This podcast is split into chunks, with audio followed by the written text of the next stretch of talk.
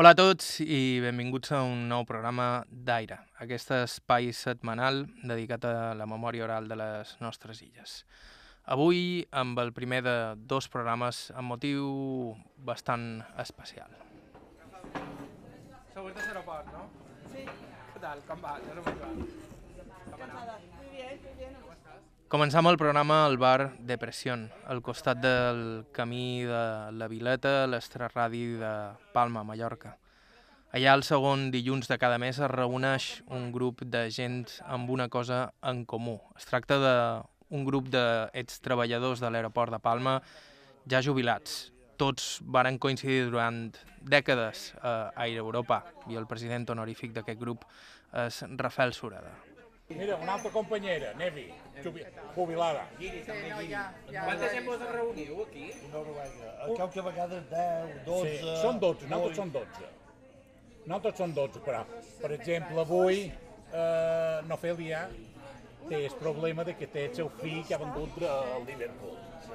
Nadolfo, eh, Nadolfo, per exemple, avui té... Està gravant? Temes administratius. Jo sempre grau. Ah, Té temes administratius. sí, té coses i un dia són més, un dia són menys. Aquest altre que sentiu és Joan Pissà, també jubilat. Ell ens parla de, de com ha canviat el món de l'aviació, passant d'un luxe a l'abast d'una minoria a la cosa més comú del món. Nosaltres, pensa una cosa, nosaltres fèiem vols charter. Sí. De que tens el monopoli ho tenia Ibèria. Sí. I els vols regulars estava monopolitzat per Ibèria. Per tant, nosaltres l'únic que, eh, el que feia espantats, igual que qualsevol companyia charter, era llogar els avions en els tour operadors, a les agències de viatges majoristes. I entonces teníem alemans, suïssos, eh, escandinaus, i pràcticament molt de turoperadors, jo diria que el 30 o 40% volaven amb espantes. El charter va facilitar que tot el món pogués volar, sí. però ho havia de fer a través d'una agència de viatges a través de les agències de viatges. Així com ara els vols regulars, tu vas directament a la companyia, a qual- qualsevol agència, o a través d'internet, en aquell temps només podies anar a el tour operador, a les agències de viatges. Eh, I si anaves un bitllet regular a Ibèria, el que tu has dit, allò era un privilegi només de gent que tenia dobbes. Des de terra, aquest grup de gent ha viscut la transició de l'aeroport de Palma, el cordó umbilical que connecta Mallorca amb el món i el món amb Mallorca, un lloc que els illencs visitam tan sovint que hem deixat de donar-li importància. En aquestes dècades de canvi, ells eren allà, en primera línia. Però en general tots eren personal administratiu. És a dir, ara se coneix, bueno, se coneix com a handling. Handling ve de tu hand, asistir, ayudar, representar. Entonces, es un grupo de gent, de treballadors, que se divideixen en dos grupos, que són el personal administratiu, que és qui factura, embarca, eh, acoegen els retrasos, eh, atenen els passatgers, fa la reclamació de pèrdues d'equipatge, és un pot atenció al cliente. I l'altre grup de, de treballadors és el que diem grup de rampa, operaris de rampa, que són aquells que s'ocupen de aquesta assistència a l'avió, pròpiament dit. És a dir, connecten el grup elèctric perquè l'avió tingui electricitat, carreguen i descarreguen l'equipatge, mercancia, correu, posen les escales de l'avió si és necessari i si n'hi ha, si nada més té, tot aquest tipus de, de feines. Per tant, entre tots, en aquell temps ens duien perfectament bé, eren com una família, tant els de rampa com el personal administratiu, no hi havia diferències. És a dir, I això ha predominat fins ara, encara segueix. Però antes era una família, antes era una família, mos ajudàvem uns als altres.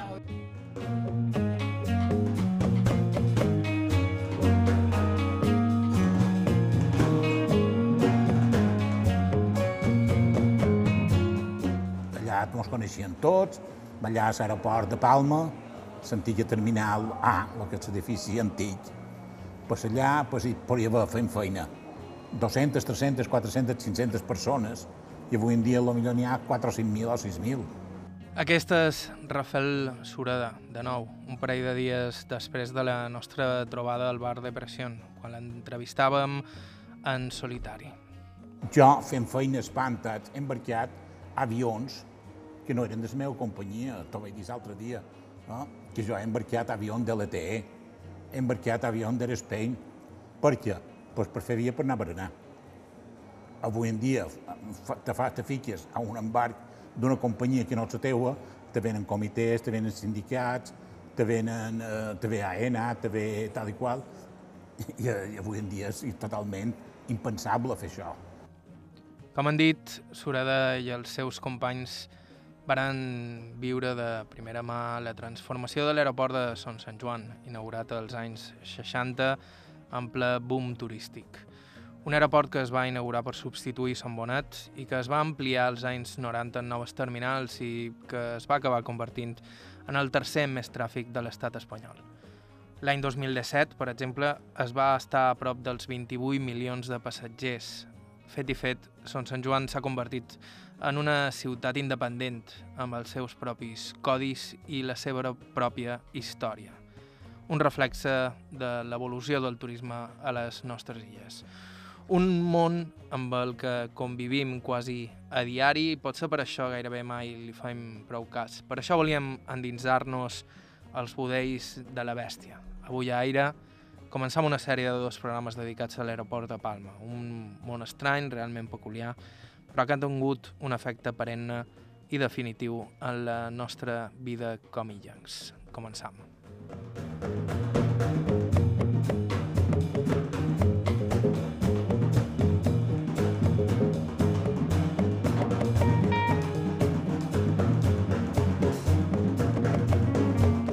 I el de sempre, primer de tot, les presentacions.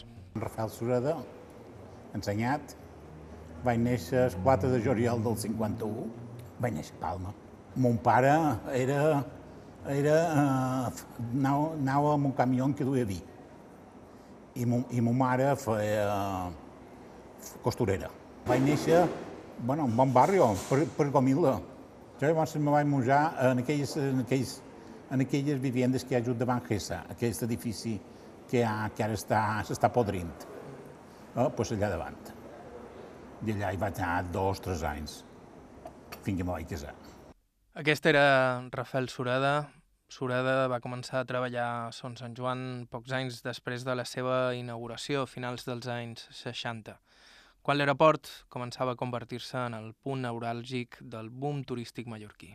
A l'aeroport ja vaig començar a fer feina eh, el 68, 15 de març del 68, me'n record. I vaig entrar com a becari. I vaig, jo vaig començar a Ibèria, en el 68. I me'n record que en aquell entonces jo cobrava mil pessetes, pessetes, cada mes. No, no era d'obves, perquè era becari, o sigui, al revés, quasi havia de pagar jo.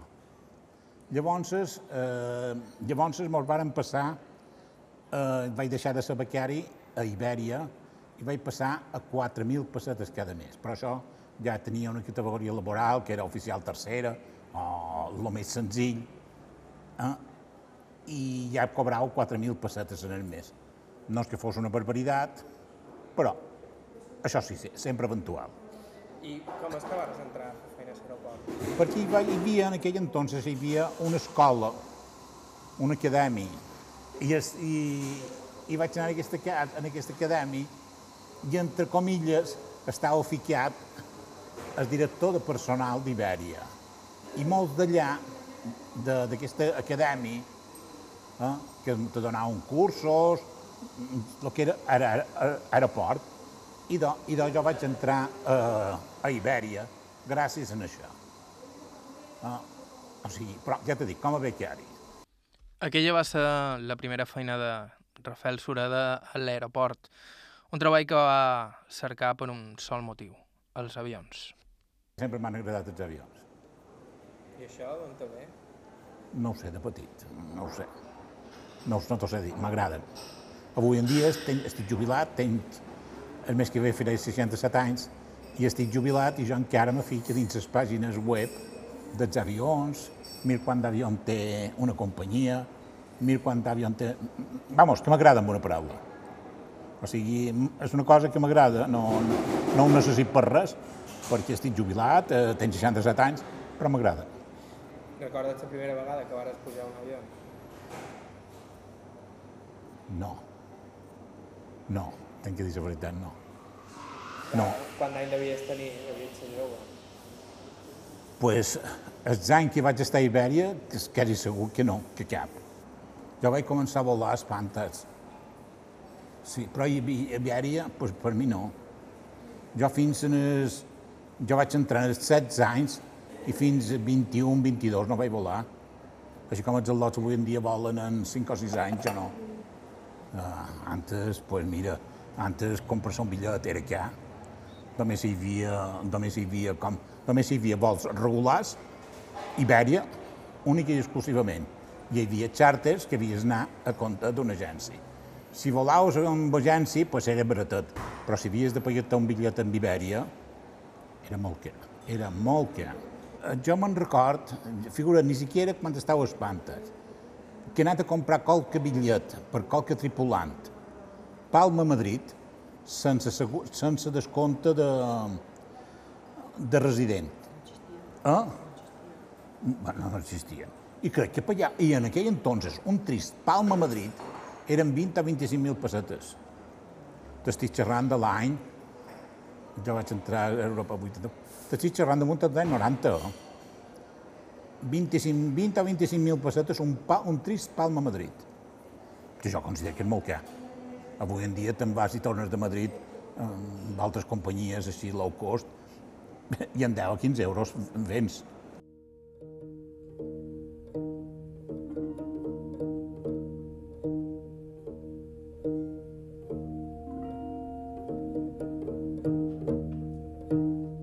Rafael Sureda havia entrat a Ibèria. En aquells anys la companyia estatal i gairebé l'única que operava amb regularitat des de Palma.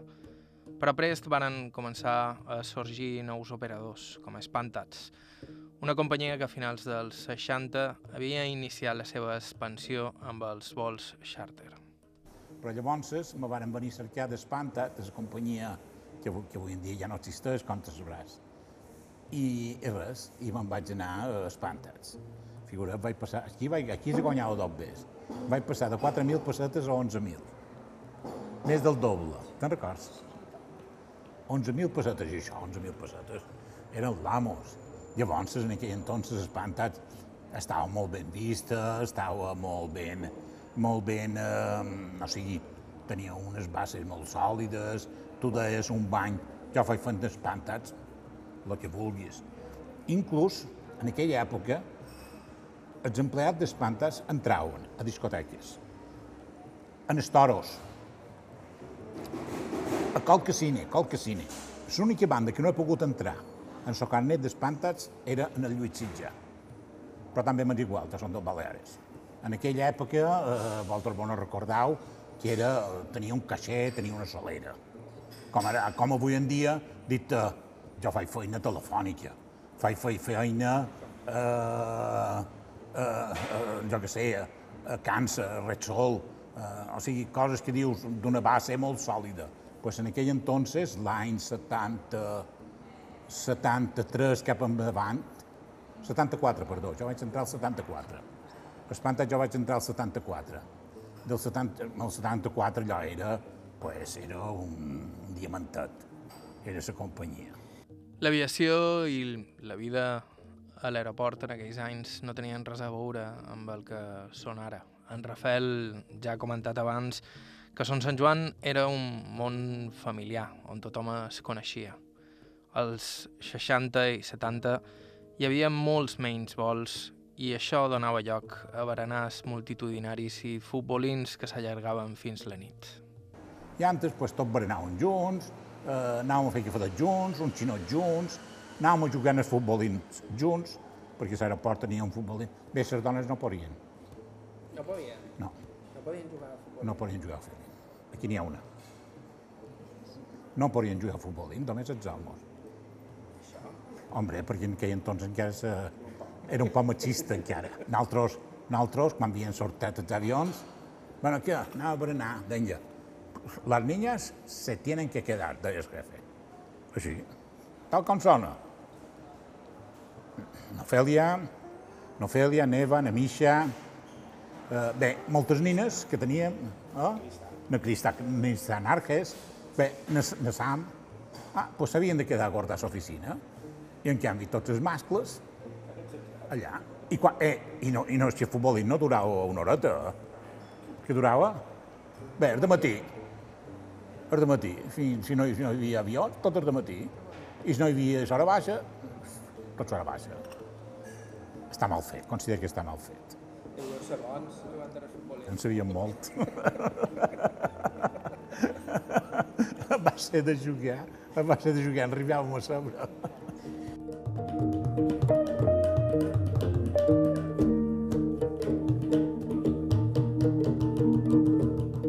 En Rafel ja ho ha esmentat. Vista en retrospectiva, la feina a l'aeroport no era tan idíl·lica si eres una dona. Els avions, tots els pilots eren homes i les hostes es dones, i a terra les dones també patien subtils i no tan subtils discriminacions. Aquí un exemple. L'única cosa que en, en aquestes empreses no hem patit mai discriminació ha estat en la qüestió econòmica. El dia sou sempre ha estat el mateix de dones i d'homes. Inclús me'n record que quan vaig començar amb Pedro, Pedro Moneret, se queixava que les dones cobraven 300 pessetes més que ells perquè teníem una categoria diferent, no sé per quina història, però sí, ara, en el tema laboral, pues, hi havia rol de los chicos. Per exemple, marcar les targetes d'embarc era una feina nostra. Els alumni, vamos, només hi havia un que mos ajudava, però els altres, mai en sa vida. De fet, jo una vegada vaig organitzar un sopar de nines només les que marcaven targetes, i clar, ells volien venir, en aquell temps eren joves i guapes, i, i, i jo vaig dir, ni a hablar. El dia que només ve és que marca etiquetes, que va venir en Juan Antonio. Que estiga, sí, perquè era una manera de, de queixar-te, no lograren res, però a veure que en aquest aspecte no mos tractaven malament, però eren molt egoistes, és a dir, el rol de l'home i el rol de la mujer. Per exemple, en el tema de berenar, eh, sempre anàvem a berenar primer les nines. Anàvem molt de pizza en el central. Quan havien sortit dels avions, com que ja no quedava feina, on anàvem en el bar central d'Escoll. Primero las niñas, claro, però feia dia que hem de berenar nosaltres. Entonces, on anàvem allà, berenàvem, en el nostre cotxe, claro, i tornàvem aviat, perquè luego se iban los niños hasta que se cansaran o fins que tornàs a la feina, perquè en aquell temps, claro, sortien els avions i a part de marcar targetes i contestar quatre telets, no hi havia res més de feina, no és com ara. I clar, eh, nosaltres sempre eh, darrere ells, per dir-ho de qualque manera, no? Aquesta és Nofèlia, una de les representants femenines del mateix grup d'ex-treballadors ja jubilats d'Aire Europa al que pertanyen Rafael Surada. Nom Cofèlia Montero García, vaig néixer dia 5 d'agost del 52 a Palma. Mon pare era guàrdia civil, que va venir de la península aquí, va conèixer ma mare aquí i ma mare era mestressa de casa. Jo record, el meu abuelo estava de... era un dels, un dels jefes de caixa de GESA i me va dir si volia entrar a GESA. I no me va fer cap il·lusió, és dir, hagués estat una feina pues, per tota la vida quan diuen Rafael, però l'aeroport me tirava molt, era algo, no sé, molt diferent eh, per una persona jove en aquell moment i vaig entrar a l'aeroport. Vaig començar a Ibèria, eh, al principi de l'any 72, vaig estar dos anys, i després ja vaig passar Espantats l'any 72, no l'any 74, perdona, i vaig estar fins l'any 88 que vaig passar a Europa. Nofèlia també ens parla amb nostàlgia d'aquells primers anys de feina a l'aeroport, quan encara es coneixia tothom i fins i tot et podies permetre anar a la perruqueria en hores de feina. Jo quan estava a Ibèria era diferent, no tenia res a veure lo d'espantats, ja feia les meves hores, fèiem els nostres avions, teníem el nostre temps de berenar.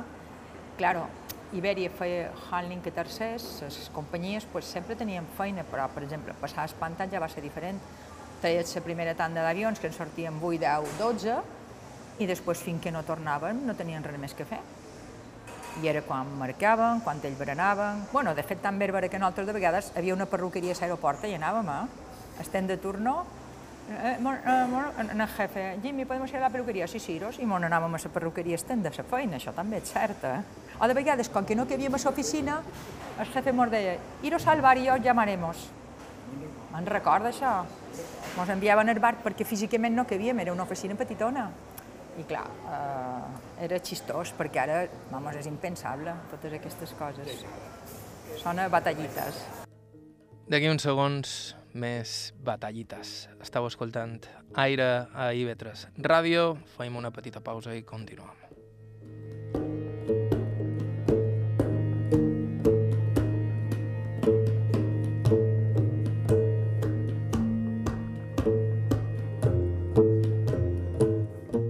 IB3 Ràdio, Aire, amb Joan Cabot. A IB3 Ràdio, Aire. Hola de nou, reprenem el programa d'avui aquí a Aire, un programa que hem començat al bar de Pressió, a la Vileta, on cada mes s'hi reuneix un grup d'ex-treballadors de l'aeroport. Aquesta és Joan Pissà. Essencialment la nostra feina és que dins el departament administratiu hi havia gent que facturava els passatgers, gent que feia la documentació de l'avió, gent que feia el que se diu la fulla de càrrega, hoja de càrrega i centrado de l'avió, de cada tipus d'avió. Uh, hi havia gent que embarcava, hi havia gent que tenia els passatgers quan arribaven per fer les reclamacions d'equipatge. Per tant, és un grup de gent que ha de fer feina essencialment per sortir l'avió en vora. Això és l'únic, el més important de la companyia, que els avions sortiguéssim en vora, tots. Entonces sabíem que dependint del tipus d'avió havien d'obrir dues hores antes, o dues hores i mitja, o havien d'obrir dos mostradors, tres o quatre.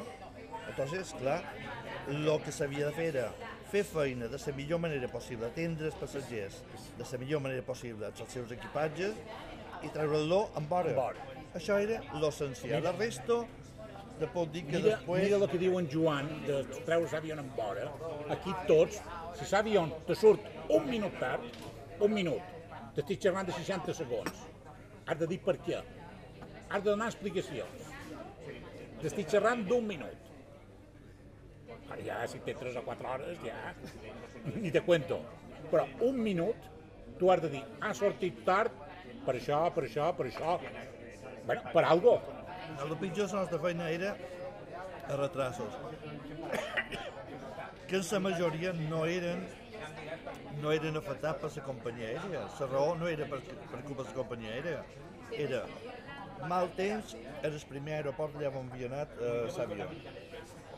Una avaria que és culpa de la companyia, però tampoc pot preveure una avaria, tampoc pot tenir un avió a cada aeroport per si un cas l'avió no, no pot sortir, tenir, això seria una pèrdua total de tot bé.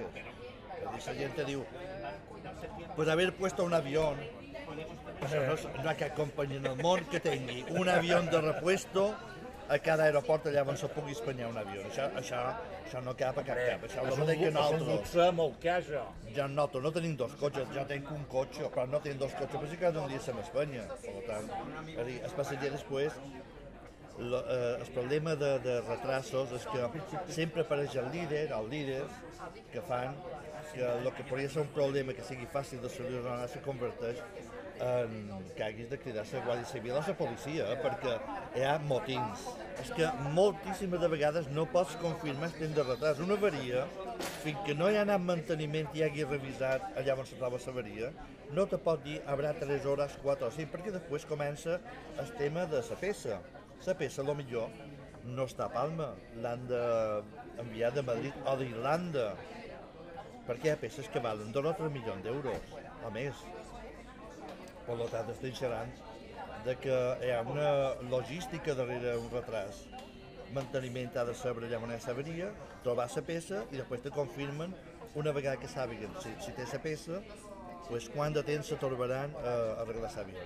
Entonces ja pot dir més o menys en els passatgers el que durarà el retras. Quan la tens localitzada, però mentre no la tinguis localitzada, hi ha avaries elèctriques i avaries de... De motor, per exemple... hi N'hi ha motor, algunes que són més difícils que les altres. Eh? N'hi ha algunes que fas feina dues o tres hores i dius què té aquest avió? No ho sé. Estic mirant, revisant tot. I aquestes són les difícils. La nostra feina era xerrar els seus de manteniment que estaven cercant l'avaria perquè mos diguessin, per favor, que els passatgers mos estan, mos Diu- estan acribillant. Di una hora. Es Diga, estireu, diga, estireu quatre es hores. que no te ja lo està. puedo decir. No tenemos la pieza, eh, sabemos dónde está la avería, pero no tenemos la pieza. Estamos buscando ahora dónde está esa pieza. Si, eh, eh, si a Múnich, a Manchester, a Irlanda, a Madrid, a Barcelona. Jo crec que el pitjor era quan hi havia un retras. Aquesta és, de nou, Ofelia Montero. Sobretot un retras a Madrid primer i Barcelona segon. Entraves i te deien el Madrid de les 8 a 3 hores i deies, ai, qui em diries tu no? Perquè sabies que tindries mil problemes, perquè la gent va per feines, tal, exigeix molt, clar, estan més informats, tenen molt de drets, però de vegades demanen molt més dret de lo que tenen. I més, una persona que ha pagat 20 euros per un bitllet te demana drets per 4.000, per dir, és un doi, no? Per dir, se demana molt per lo poc que se paga de vegades. Bueno, fins que jo me'n vaig anar a Europa, continuava, és dir, el que passa és que primer, pues, en les dues hores ja te donaven alguna i ara pues, l'empresa mateixa te deia, eh, estira un poquet i tal, i, i així com primer, tu, claro, millor de vegades te diuen dues hores i, i te diuen, no, però s'havien estat a punt d'estar allà, bueno, pues esperem un quart d'hora, però després aquest quart d'hora se converteix en mitja hora més, i primer no, sabies que havia dues hores, berenar o el que fos, això sí, s'ha estirat un poc per aquesta banda. Però clar, és que un berenar a l'aeroport. Jo no sé què costa ara, però en aquell temps ja devia costar 10 o 15 euros per passatger.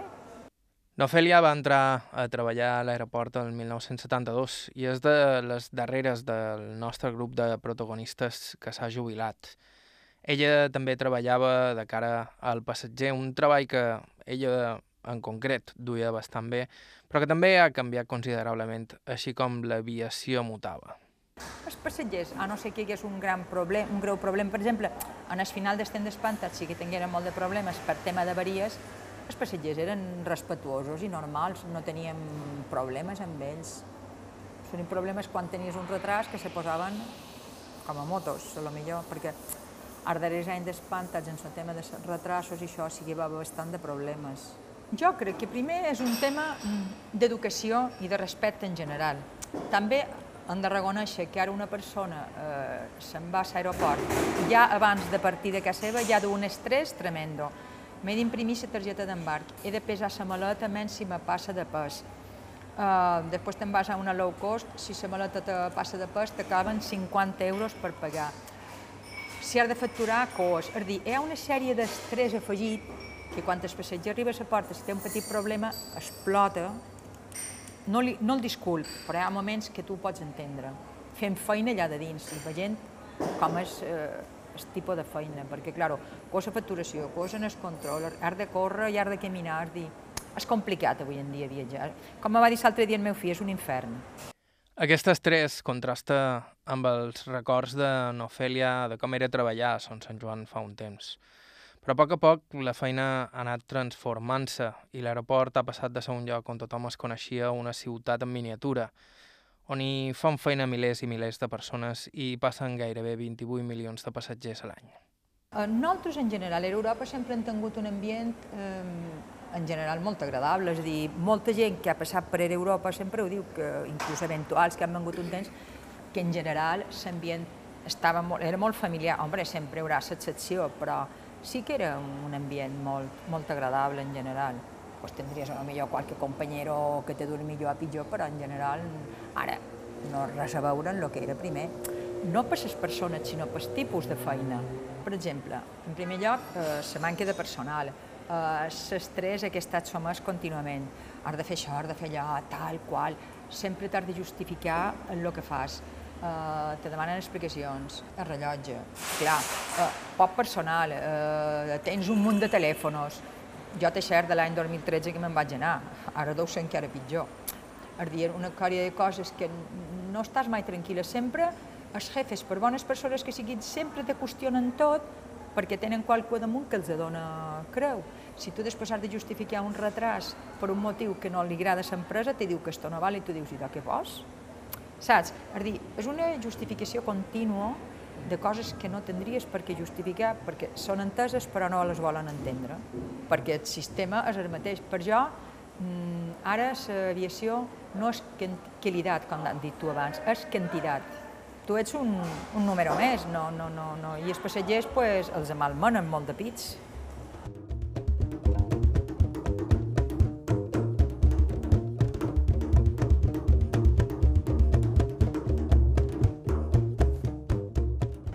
Anar canviant paulatinament. Per exemple, el primer canvi que ja vaig notar ja dins espantats, que tot ho fèiem a mà. I de cop un dia ens diuen, vos posarem ordenadors. I nosaltres, però què dius?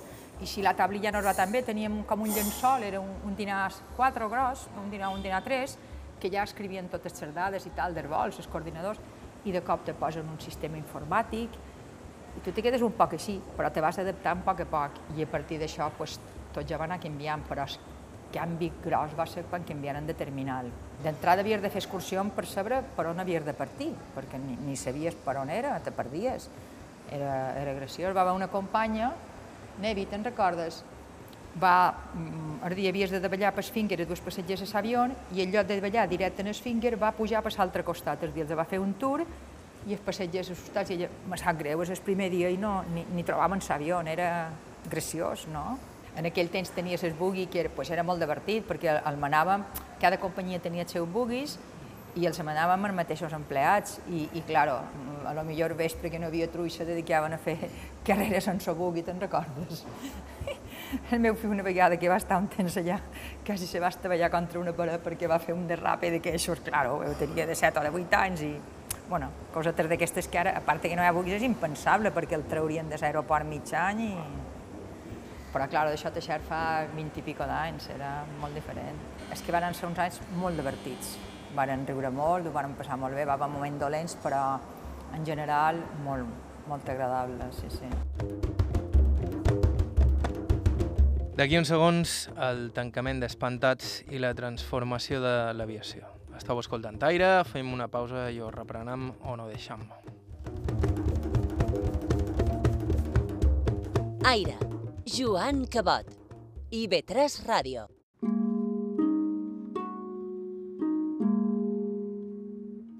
A IB3 Ràdio, Aire, amb Joan Cabot.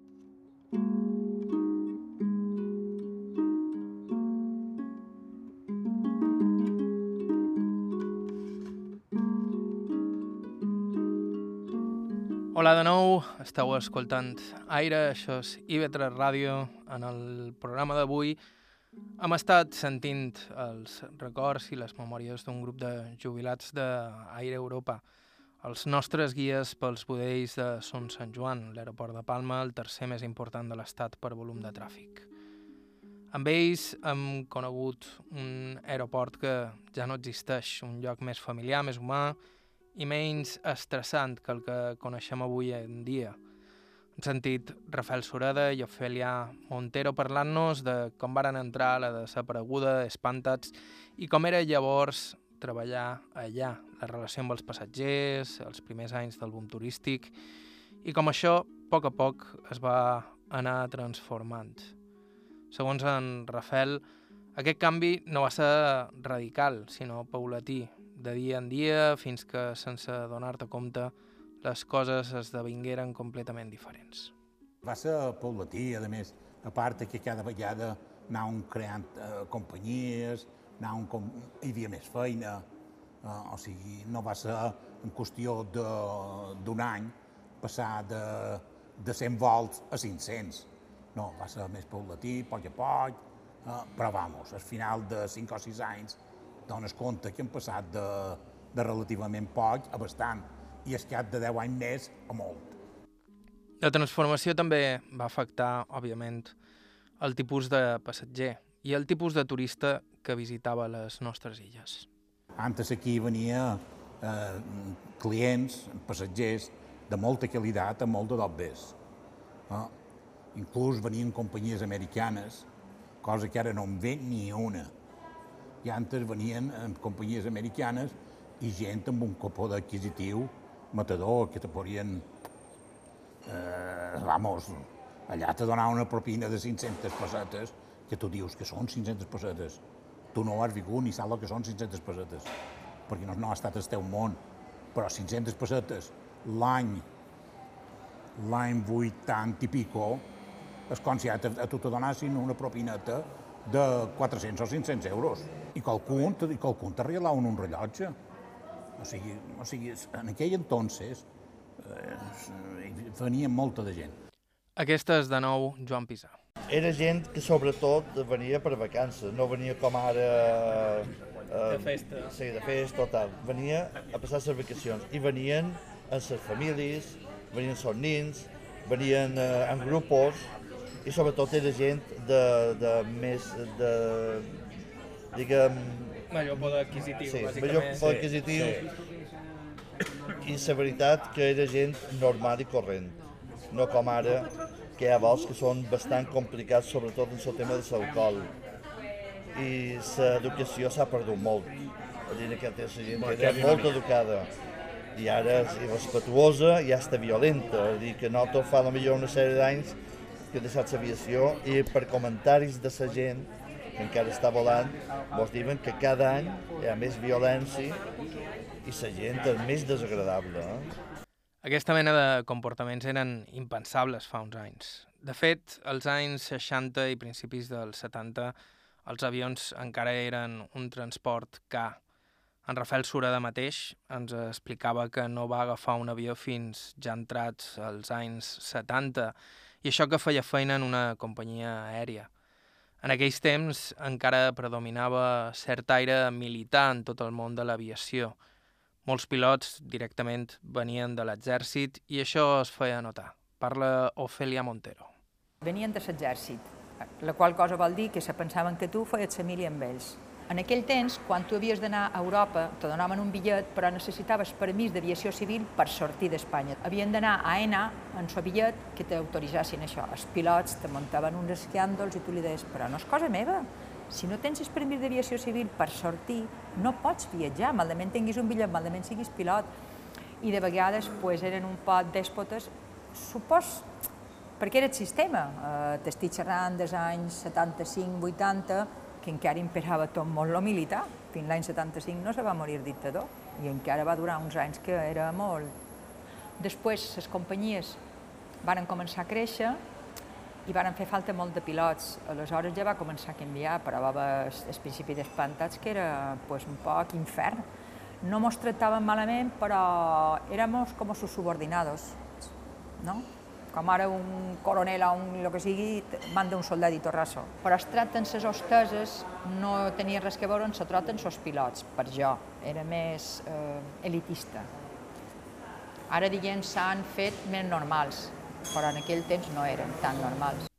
No només els pilots eren diferents als d'avui. En dia, abans també les hosteses eren fetes d'una altra pasta.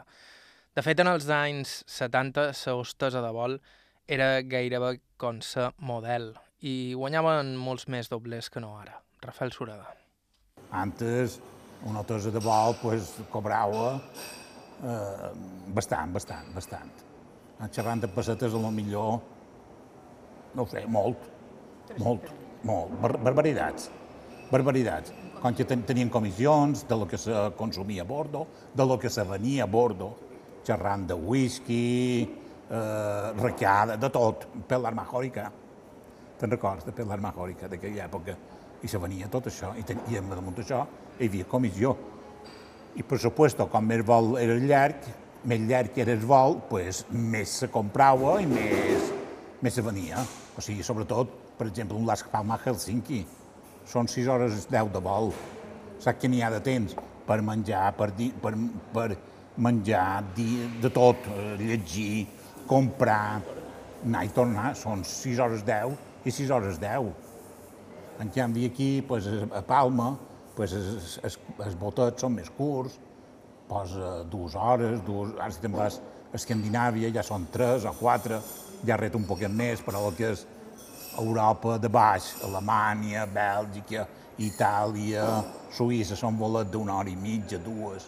Posa dues, posa el més en fora, Hamburgo, dues hores vint.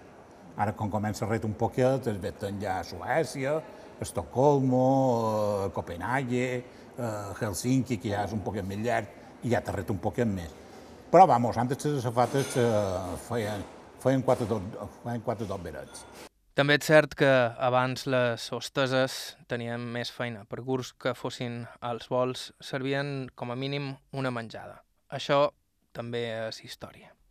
Antes, en què el vol fora, fos curtet, sempre se donava algo, algo. Un trist Palma-Barcelona, que són mitja horeta de vol, eh, sempre inclús se donava un bocadillet, llavors del bocadillet un sàndwich petitet, llavors ja se va passar caramelos, i ara, per supuesto, com tu saps, res. A lo millor bon dia si tens sort.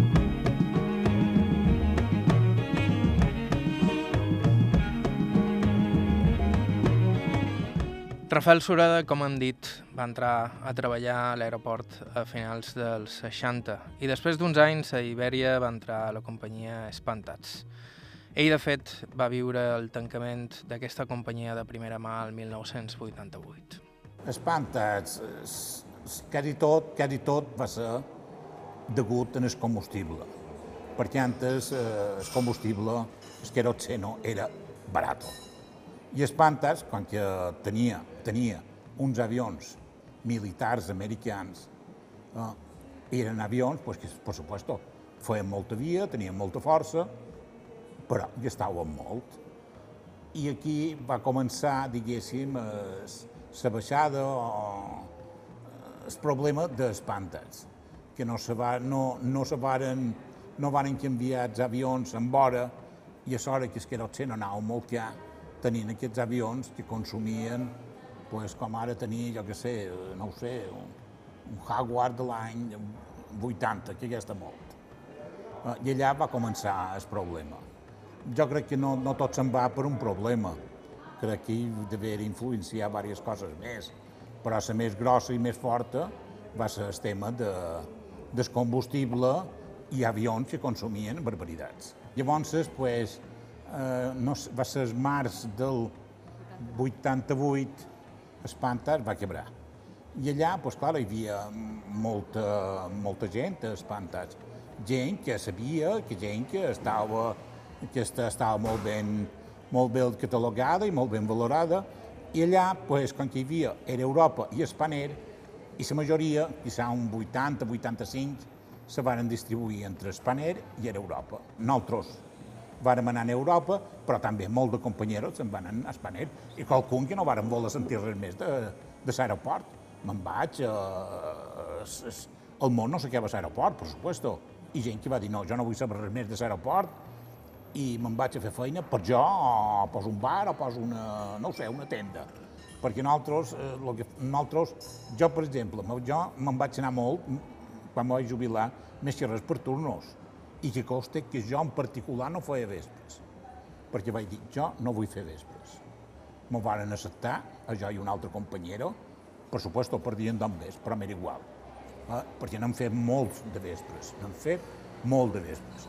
I vespres has estat de les 23 de la nit, o de les 10, de les 10 a les 11 fins a les 6 o a les 7, bé, 8 hores més, del 100 demà de matí. Eh? I, I la nit se te fa molt llarga, molt llarga. Tu fins a la 1 eh? prepararàs la docent demà, faràs un cafetet, llegiràs el periòdic, eh, diràs un xiste, eh, passaràs el rato. Però arriba un moment que les dues o les tres que ho has deixat tot, ja no sap què has de fer, que no sap què has de fer. Eh? I se te fa, i se te fa la nit eterna. En vez de fer 8 hores de turno, però és que en fas 10 o 12. Eh? Llavors, un dia, pues, eh, un dia, pues, que comences el turno a les 5 de matí, doncs t'has aixecar a les 4. A les 4 del matí un dia no passa res, però que estiguis una setmana aixecant a les 4, eh, dius, bueno, eh, arribes que arribes que estàs cansat. Eh? Llavors, altres turnos, si comences a les 6 o a les 7 de l'hora baixa, fins a les 2 o a les 3 de la nit. No, sí, els turnos te maten, els turnos és molt fotut. Jo feia vespres, és a dir, perquè hi havia un cupo de gent que a partir de 55 anys se podien llevar ja n'hi havia dos, per la qual cosa nosaltres no paríem. I jo va haver un estiu que feia una setmana de vespre cada 8 o 10 dies, com a molt, es dir, era una setmana de vespre, potser passaves de matí i altra vegada 10 vespres. I eren vespres que no descansaves gens, no era com primer, i era molt cansat. Quan els meus fills eren petits m'anava molt bé, perquè, clar, de matí anaven a escola i ho podia compaginar bé, però darrerament ja era una mort. Sí, era molt cansat, era molt pesat. Els tons cremen molt, cremen físicament, vull dir, són pesats.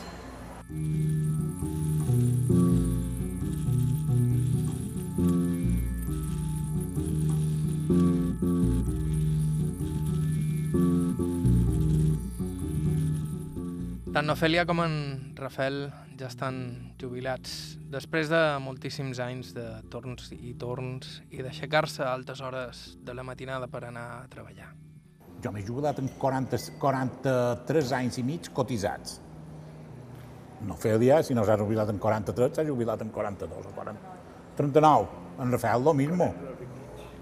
Tothom s'ha jubilat amb, amb, aquesta, amb aquest 40 i picot de cotitzar.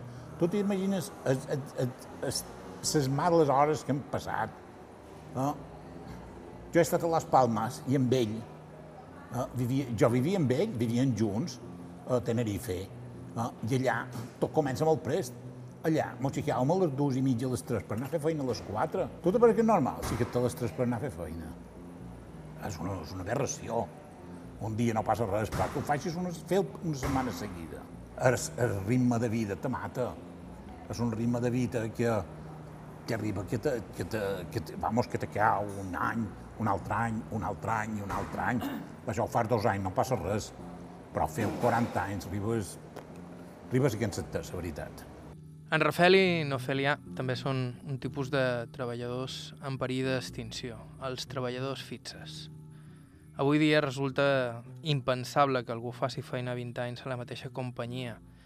La majoria dels contractes a l'aeroport són eventuals i molts treballadors van a l'atur cada tants anys per tal que les mateixes companyies no els hagin de fer fixes discontinus.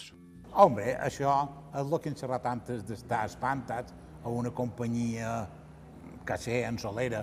Pues ara, per exemple, un fiteu o, un, una filla meua que entri a telefònica i digui com va començar Telefònica en els 20 anys i se va jubilar a Telefònica en els 40. Això és impensable, això. Però antes era, no vull dir normal, però podria passar. Jo, per exemple, he estat a tres. Jo he estat a Ibèria, a Espantats i a Europa. Però qualcú ha estat, va entrar a Ibèria no? i se va jubilar a Ibèria. O sigui, jo en tens molt de companys que van entrar en jo a Ibèria, jo vaig entrar en el 16, però molts van entrar de 8, 20, i se'n van anar en els 60 jubilats. I van cotitzar tota la vida a Ibèria. O sigui, jo en conec. Ara, pues, el que tu dius, contractes, subcontrates, un contracte de dos anys, llavors te'n vas, però no deixes-te fix o discontinua, te deixen un any sense... te deixen de fora, però no, que no, de, no quedis fix o discontinua. pues, jo, això passa eh, molt habitual ara, però antes no passava tant. O sigui, jo mai, mai vaig fer, mai en la meva vida he fet un currículum. Enviar una, un currículum a una empresa per dir vaig néixer tal dia, mi telèfon tal, tenc carnet de conduir, tenc aquests estudis, he anat a tal banda, tal banda. Jo no he fet mai. Jo sempre he anat de companyia en companyia. Inclús m'ha vengut a cercar. No? Cosa que avui en dia, ah, enviem el currículum i ja te diran coses, i ja te diran coses. I el mateix, malauradament, es pot dir de qualsevol lloc de feina també fora de l'aeroport. Un aeroport transformat d'un extrem a l'altre, com tot el món de l'aviació. Segons Rafael Sureda, ha canviat tot i molt. Tot, tot, tot, tot. Jo te vaig dir, quan me'n vaig anar, dic, jo ja ho he vist tot. Avui en dia me'n dono compte que no he vist res. Cada dia, cada dia hi ha innovacions. Mm, internet, eh, tot informàtic. Antes tot se feia paper.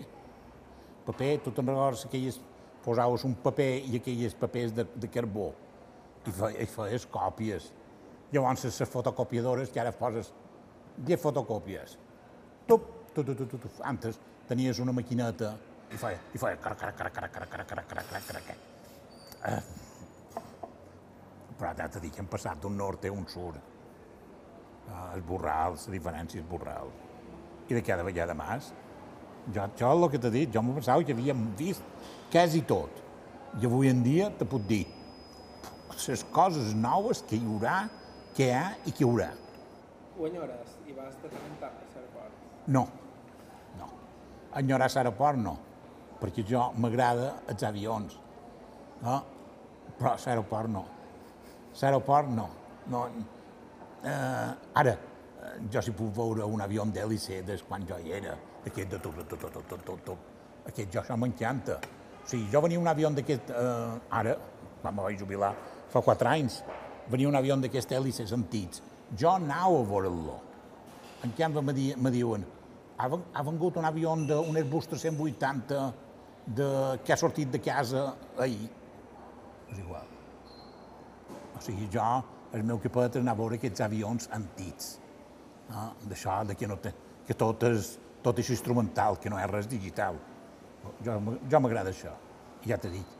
I jo avui en dia mir les pàgines web, mir, mir, les notícies d'aviació, però jo no vaig a l'aeroport. Nosaltres hem tingut la sort d'estar un moment molt bo, ens ho passàvem molt bé, cobràvem bé, i eren persones, perquè els nostres jefes ens coneixien i, no sé, te senties que eres pues, Nofèlia o en Rafael, no eres el número X, com ara. Aquesta és la diferència, però normal, forma part de l'evolució.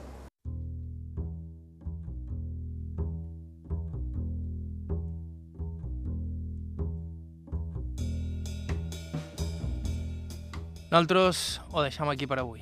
La setmana que ve més aeroport, més anècdotes i més canvis. Gràcies infinites a Ofèlia Montero, Joan Pissar, Rafael Llompart i Rafael Sureda i a tot el grup dels treballadors d'Aeroeuropa amb qui vàrem estar aquells dies. Ens podeu seguir a Facebook, Aire IB3, a Instagram, Aire barra baixa IB3 i ens podeu escoltar pel podcast i similars i a la ràdio o la carta a ib3tv.com barra ràdio. Us recordant també que alguns dels materials d'aquest programa formen part dels fons dels arxius del SOI, la imatge dels Consells de Menorca, Eivissa i Formentera i de l'Arxiu Oral de Mallorca de la Fundació Mallorca Literària Consell de Mallorca. Bàrbara Ferrer i Margalida Mateu a la producció, Jordi Pol ens assisteix a les entrevistes, Miqui Fiol a la producció tècnica, vos ha parlat Joan Cabot, fins la setmana que ve.